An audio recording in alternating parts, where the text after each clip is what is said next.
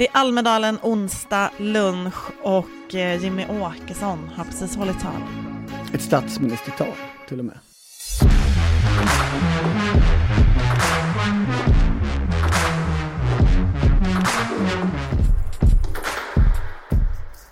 Det här är politiken med Maggie Strömberg och Torbjörn Nilsson. Och lyssna nu, snälla ni. Statsministertal, på vilket sätt då? Det här talet var ju det av oppositionspartiledarnas tal som var absolut mest distinkt, mest fyllt av självförtroende, mest ignorerande mot alla andra politiska karaktärer än Magdalena Andersson. Det var inget uh, Ulf Kristersson kommer göra ett bra jobb och jag vill gärna vara med i hans regeringsunderlag. Nej, det var inget vi fyra nystartspartier, det var ingenting på min sida av politiken, det var bara det här är fel och därför måste jag och mina idéer ta över. Också introducerad av eh, ordförande för Ungsvenskarna och riksdagsledamoten Tobias Andersson, eh, som ju har synts en del i Visby. Och han sa att, han var väldigt tydlig i sin introduktion att det här är Sveriges kommande statsminister, en dag ska han leda landet. Han sa, att det var, han sa väl att det var oppositionsledaren också? Att det redan ja, var ett faktum kanske han sa, i den det, meningen. det hörde inte jag. Men... Det är ju intressant tycker jag, för egentligen så går det ju väldigt dåligt för Sverigedemokraterna. Jag läste i eh, statsvetaren Henrik Ekengren Oskarssons helt färska eh, Poll of Polls och där tror jag de låg på 17,3 och det är ju under valresultat. Det är väl valresultatet? Nej, det var 17,5 men, men det är ju inte bara det, de har ju också missat väldigt många möjligheter den här våren. Alltså det här är ett parti som vill vara ett försvarsparti och ha väljare som tycker sådana saker är viktiga. Var har de varit i liksom hela krigssituationen som har uppstått? Ja, alltså jag skulle hålla med dig om att de har missat eh, de här kravallerna till exempel. Jag som var efter det. Paludan. Det, det är en käpphäst från min sida. Men eh, försvarsfrågan, alltså om du tittar på Finland har ju Sannfinländarna har ju förlorat jättemycket på NATO-frågan. Och eh, Samlingspartiet, alltså Moderaterna, gått jättemycket framåt på den frågan. Eh, är det inte ganska imponerande av Sverigedemokraterna att de inte har tappat jättemycket till Moderaterna på NATO-frågan? Att de svängde snabbt, de har liksom hållit linjen. Ja, om du jämför med Finland så måste man ju, så kan jag inte säga annat än ja på den frågan. Men vi, det här är ju Sverige, det här är det parti som är det enda parti som har haft konstant tillväxt eh, sett över tid, eh, de senaste decenniet. Eh, och som inte har det längre. Och som egentligen borde eh, ha problem och när man pratar med Sverigedemokrater och har gjort det under våren så har det också låtit på ett helt annat sätt. Det har låtit som ett vanligt parti. Alltså folk har på riktigt när man ställt frågan eh, ja, men vem kommer ta över efter Jimmie Åkesson så har de börjat prata om namn och diskuterat deras för och nackdelar. Istället för att säga, vadå, Jimmie Åkesson han kommer ju aldrig sluta. Mm. Och som säger öppet på ett helt annat sätt att också ganska högt uppsatta människor, att, att Jimmy Åkesson är frånvarande, att det finns en trötthet i partiet, att det, dålig eller avsaknad av valplanering. Det där hör man ju från alltså, mm, samarbetspartierna också, att ja, men de ser det ju nästan som Henrik Winges parti. Ju... Ja, och det fanns ju den här lilla filmen eh, där Jimmy Åkesson ska eh, ha sagt ungefär så här, sa han väl, att jag ser nu att eh, partiet har gått fram med, misstroendeförklaring mot Morgan Johansson. Det, det var ju på tiden. Just det, att alltså, att det han var var, det, Om det så som han formulerar sig så är han inte ens med i beslutet. det, det låter ju osannolikt dock. Ja det tycker man, men han formulerar sig som han gör. Men det ja. låter absolut os eller orimligt. Men jag har tänkt på det ganska mycket i Visby för att de, nu har det inte varit Almedalen eh, på några år som alla vet, men innan dess så var ju Sverigedemokraterna verkligen dominerande i gatubilden under många år. Att det var väldigt många Sverigedemokrater. Mm. De hade väldigt synliga tröjor. De hade ofta någon stor restaurang där som de liksom hade tapetserat. Så ser det ju inte alls ut längre. Nej, de är inte ett Ehm, gatans parti på det de sättet. sy- är inte synliga. Och om det sen beror på att eh, Sverigedemokrater har slutat gå runt i t-shirts, eh, på att liksom, det finns vissa men, men lika många, alltså man kanske inte har samma behov av att manifestera att man är på plats. Eh, man kanske inte heller tjänar lika mycket på att göra det för att man får inte samma typ av uppmärksamhet bara på att visa upp en SD-flagga.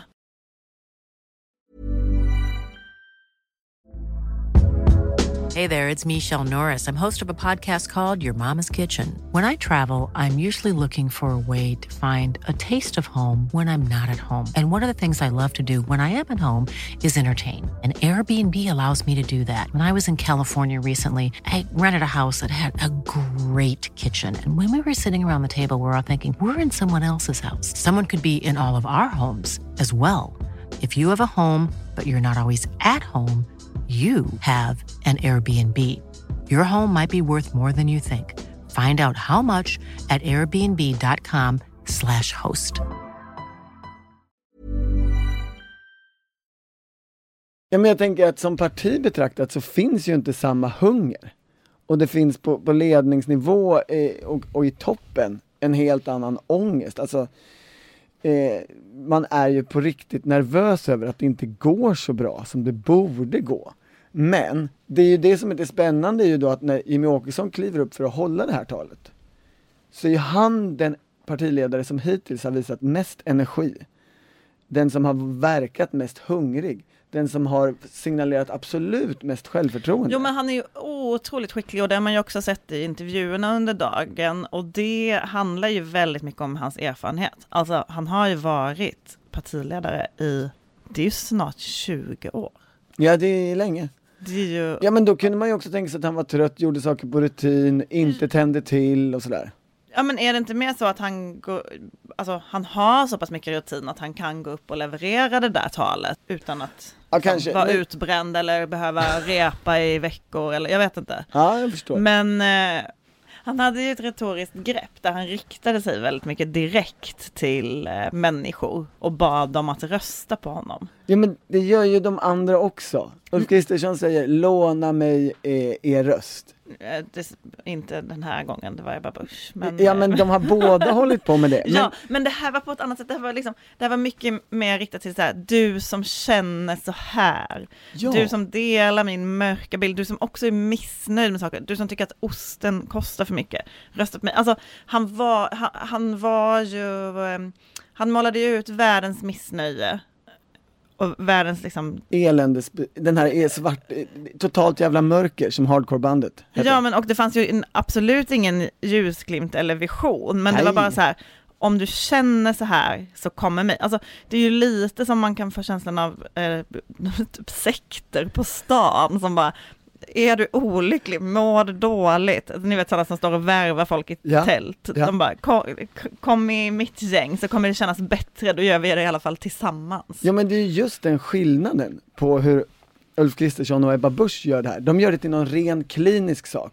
De talar till folks, liksom, möjligen intellekt och huvuden. Kan du ändå inte tänka dig, eh, för det vore väl ändå det klokaste, att du lånar ut din röst en gång. Du som brukar rösta på Socialdemokraterna, till oss. Så vi kan få till förändring. Medan han ju jobbar mot magen, mot hur folk känner du bygger upp den där ångesten och till slut så ska du bara känna att så här, ja, visst ska jag rösta på Sverigedemokraterna. Det finns ju inget annat alternativ. Det finns inga andra partier i Sverige. Ni får ursäkta, nu vänder jag mig inledningsvis till er andra. Ni som av olika skäl ännu inte röstar på Sverigedemokraterna. Och när jag är klar här, då får ni naturligtvis göra precis som ni vill. Om ni är nöjda, om ni tycker att Sverige mår bra, ja, då kan ni rösta på sossarna. Eller något av de andra gamla partierna som har försatt oss i den situation där vi är idag. Men snälla, lyssna åtminstone på vad jag har att säga under de här minuterna. Och det är det som är det skickliga och det är det som är att det är ett statsministertal. Han vet ju om att han inte kan bli statsminister. Han har ju det, han visar ju här liksom det självförtroendet som Ulf Kristersson inte visade när han talade i måndags. Det här är ju statsministertalet som Ulf Kristersson inte höll. Och som är bara, ja okej, Ulf Kristersson kommer upp och berättar om saker som är dåliga, men ingen känner efteråt att han kommer göra det bättre. Eh, här är det fullt möjligt att människor fortfarande tvivlar på liksom Sverigedemokraternas regeringsförmåga och liksom kunskap och eh, skriva lagar och sådana grejer. Men de känner ju att han kommer ju inte ge upp förrän det är förändrat. Det är det han lyckas Men han signalera. säger ju inte vad det ska förändras till. Han har ju ingen, eh, han har ju ingen, eh, ingen målbild. Nej men det spelar ingen roll in, in, in politikers, eh, liksom för en sån politiker. Det ska bara bli, alltså, han är ju en väldigt skicklig populist i den meningen. Jag vet inte om du noterade, men eh, när man tittar på vilka som satt längst fram på hedersplatserna på Jimmy Åkessons tal, Mm. så satt ju inte Moderaternas partisekreterare Gunnar Strömmer där. Och inte heller gissar jag någon av Sverigedemokraternas tidigare partiordförande. Det tror jag inte, nej, för de... Eh, Ja, det kan man ju notera också. Men i alla, i alla fall, eh, Gunnar Strömmer har ju varit på, han satt ju på både Ebba Buschs tal och på eh, Johan Perssons tal igår. Han har varit som en maskot. Ja men Eh, han har ju lite. suttit där för att visa då enighet och stöd. Ja, som en stor Och- Lisebergskanin. Gud vad du pratar. Ehm,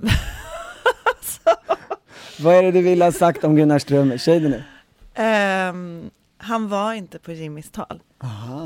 Han, eh, det var ju ehm, tydligt ett aktivt val att inte sitta där.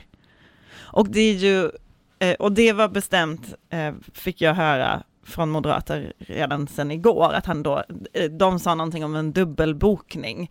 Eh, men jag gick förbi Gunnar Strömmer sen, han satt i någon och blev intervjuad av någon, något skogsbolag. Jag vet inte, alltså det kanske hade kunnat gå att boka om ifall man hade tyckt att det var viktigt att sitta på det där Så att han är talet. den där heta stolen Ja. som, som skogsägarna eh, ägarna i Ja. någon form har. Ja, Mm. och det hade man ju kunnat kanske välja bort om man nu ville prioritera då Jimmy också. Men den, den stora snackisen i Almedalen idag har ju varit sms till Moderaternas signalgrupp val 2022 som gruppledaren Tobias, Tobias Billström av misstag publicerade på Twitter när han skulle håna vänsterpartisten Daniel Riazat. Så många led i den där historien så det är otroligt Ja svårt men att hänga med. det är briljant. Men Alltså- vad, vad var det det stod i det som, i den bilden Billström eh, postade?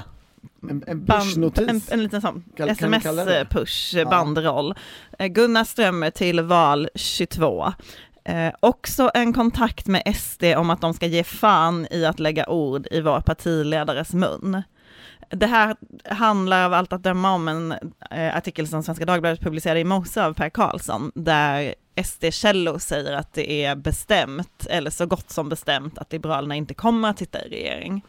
Och att de då på något sätt har fått göra upp det här med, med Moderaterna. Ja, Mm. Eh, och detta tycker Moderaterna, tyckte Gunnar Strömmer och Moderaterna kanske inte var så kul. På många sätt så är ju den här, det här är ju den story som har dominerat Almedalsveckan, tänker jag. Alltså i- under våren så, så har ju Thomas Nordenskjöld på Expressen publicerat flera, flera artiklar, långa, om just den här frågan. Va, vad finns det egentligen för enighet i oppositionsblocket då? Alltså, kan Sverigedemokrater och liberaler existera tillsammans? Eh, kan, vill Ebba Busch eh, ha Moderaterna för sig själv? Eh, Fler ministerposter åt henne. Går sakpolitiken egentligen ihop?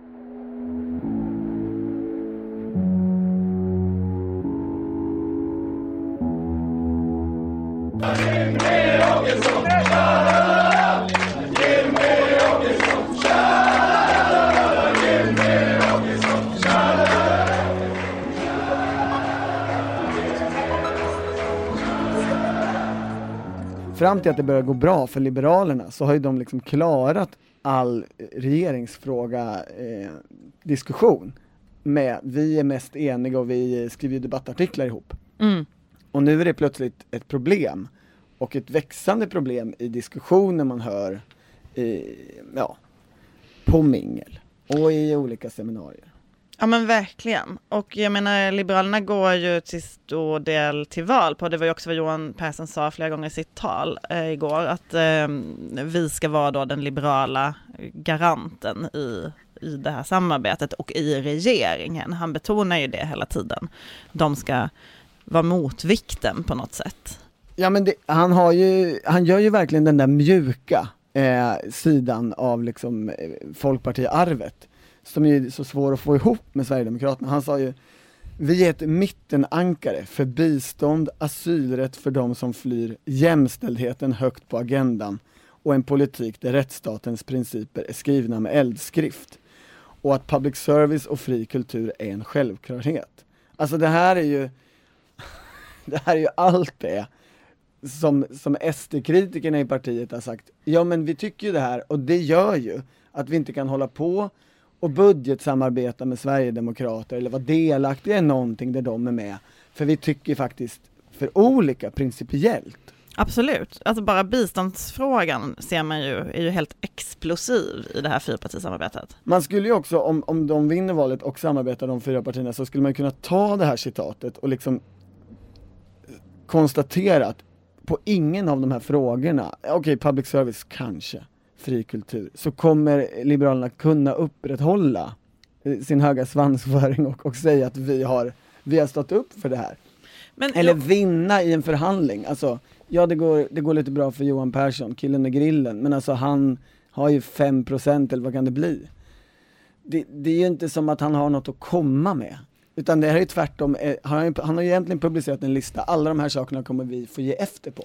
Johan Persson är ju då Jimmy Åkessons motsats på fler sätt, alltså att han också är helt ny.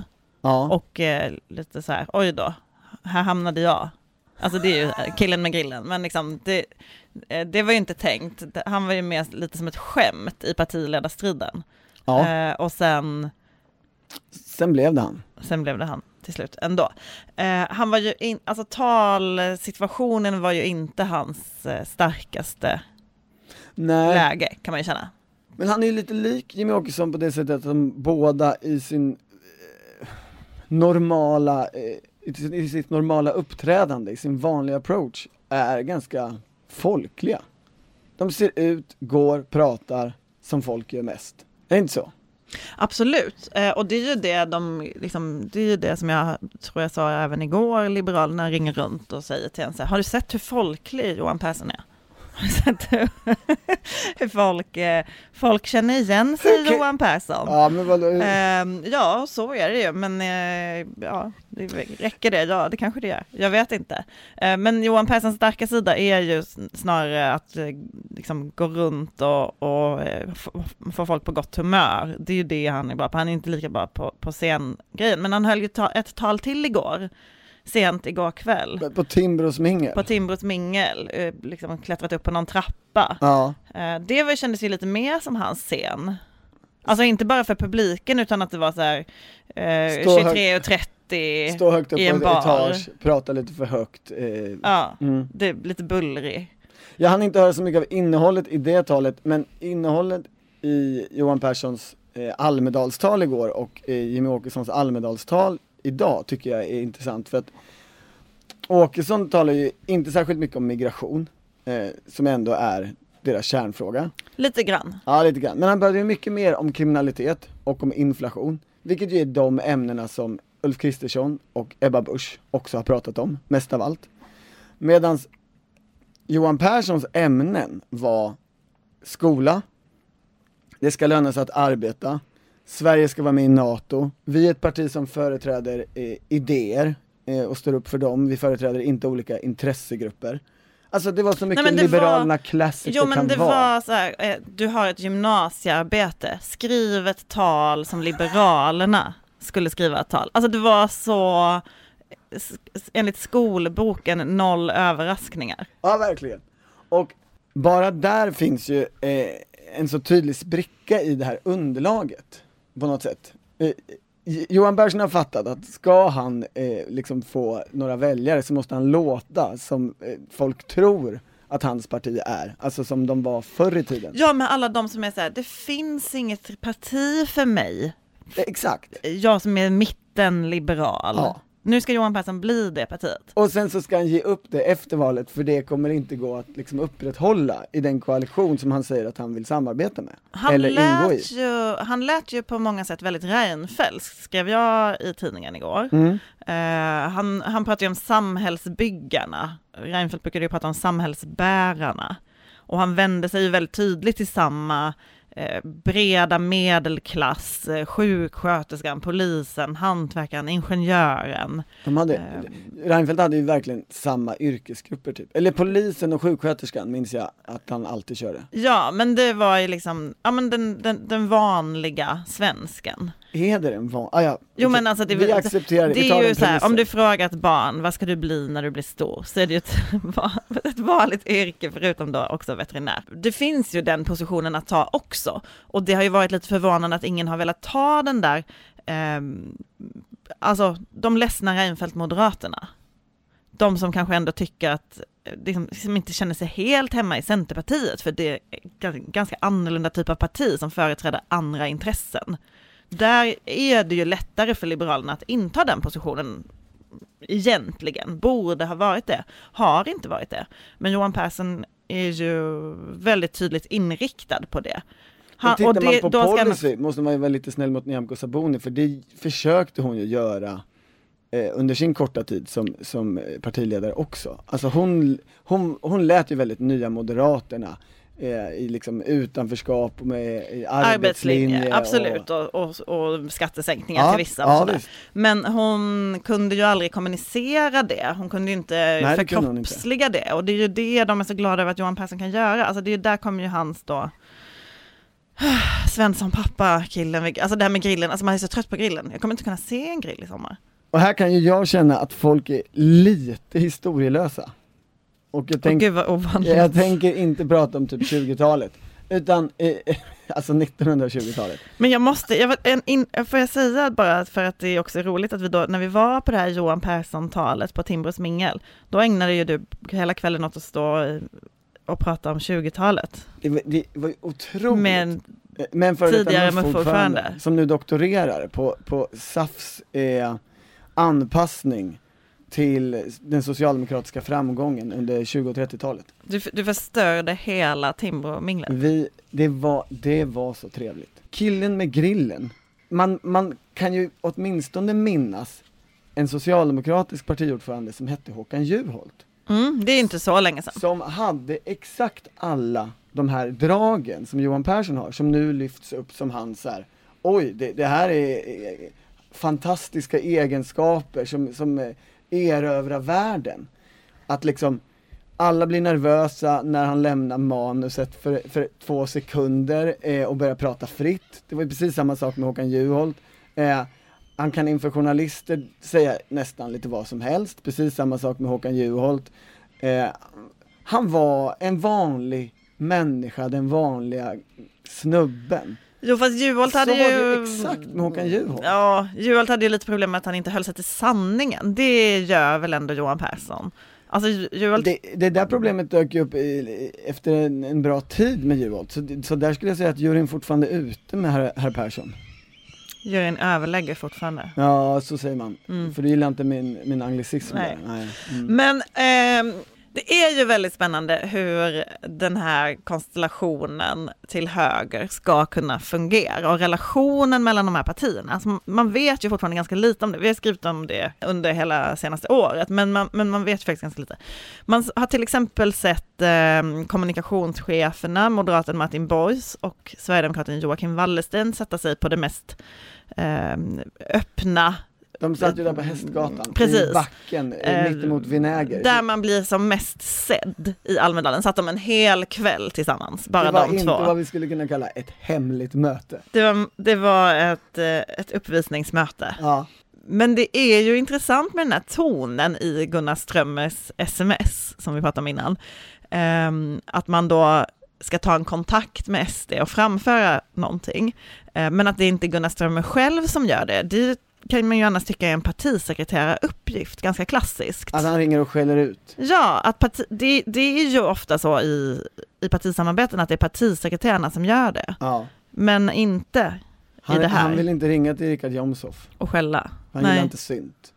Eh, Eller, eller så kanske jag tror han Jomshof- gillar synt dock, men? Mm. jag är osäker på det. Jag tror inte det är det det handlar om. Ehm, men men, fick, men de har ingen bra relation, det är det du vill åt? Moderaterna och Sverigedemokraterna pratar ju med varandra på väldigt liksom, de är ju noga med att prata på samma nivå, gruppledare till gruppledare och så pratar man med sin motsvarighet i utskotten eller på tjänstemannanivå. Eh, jag tror att partisekreterarna är de som kanske har minst kontakt. Det är min bild när jag pratar med moderater i alla fall. Utan det, det är ett Strömmer Eh. som säger åt Billström, Ja, ring alltså Vinge. gruppledaren, att eh, ringa Vinge, Så gruppledaren. Så tror jag det. Men, eh, men man har också hört lite från, alltså det verkar ändå som att moderater ägnar sig en del åt att ringa och läxa upp. Jag har hört att de ibland ringer och skäller om det är något konstigt i Riks, Sverigedemokraternas tv-kanal, det har jag hört någon säga här i Visby.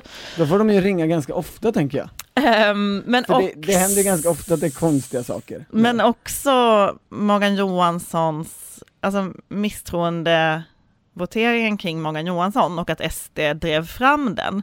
Det finns det ju ett uppenbart missnöje med i Moderaterna, att de blev satta i en så jobbig situation, där de ju upplevde att de inte hade något annat alternativ än att stödja den, men också att man förlorade på det tydligt i opinionen och ja, man försökte ju presentera sig som väldigt vuxen i NATO-frågan och enad med Socialdemokraterna Ja. och det här stödjer ju det.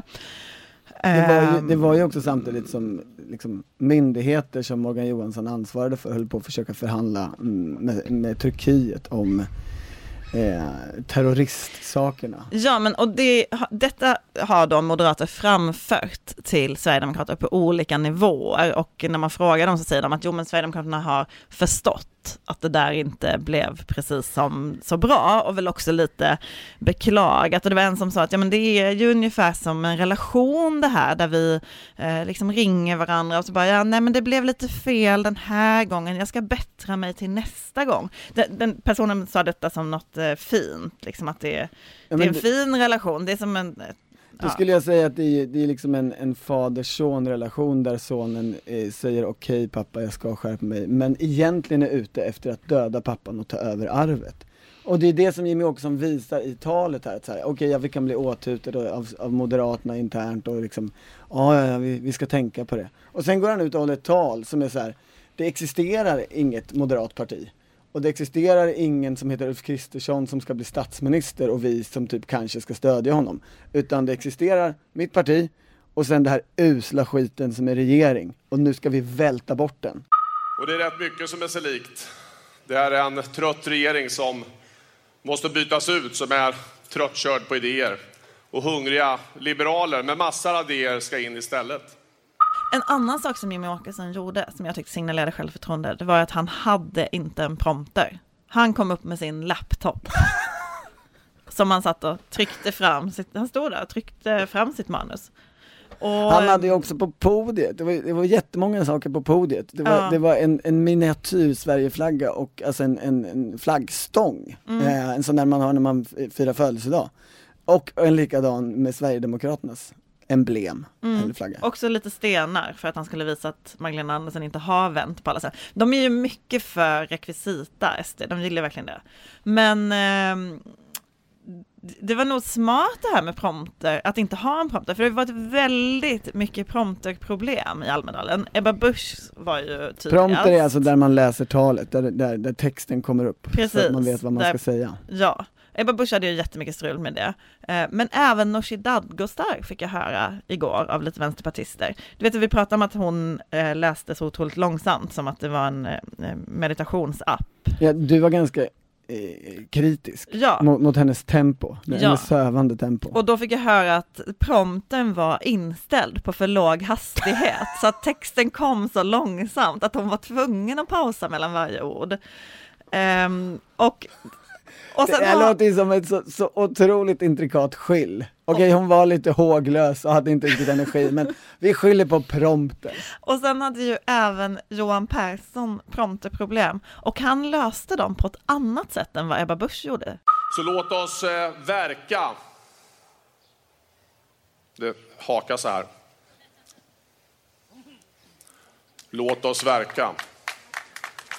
Låt oss verka för en eh, gemenskap som blickar framåt och inte blickar bakåt. Ja, men nu kommer payoffen, så nu vänta. Kampen mot utanförskapet vinner vi tillsammans! Eller inte alls! Och en till, låt oss ta den kampen! Alltså det är ju så underbart när han eh, liksom inte märker själv vad hans kropp gör. Så känns det lite här, det är ju i, i, i, i själva ett enstaka ord som det plötsligt bara händer någonting. Eh, och det är som att hans kropp liksom går bortom nervsystemen upp till hjärnan och bara försvinner iväg från honom. Han är ju Håkan Juholt. There's never been a faster or easier way to start your weight loss journey than with PlushCare. PlushCare accepts most insurance plans and gives you online access to board-certified physicians who can prescribe FDA-approved weight loss medications like Wigovi and Zepbound for those who qualify. Take charge of your health and speak with a board-certified physician about a weight loss plan that's right for you. Get started today at plushcare.com slash weight loss. That's plushcare.com slash weight loss. plushcare.com slash weight loss.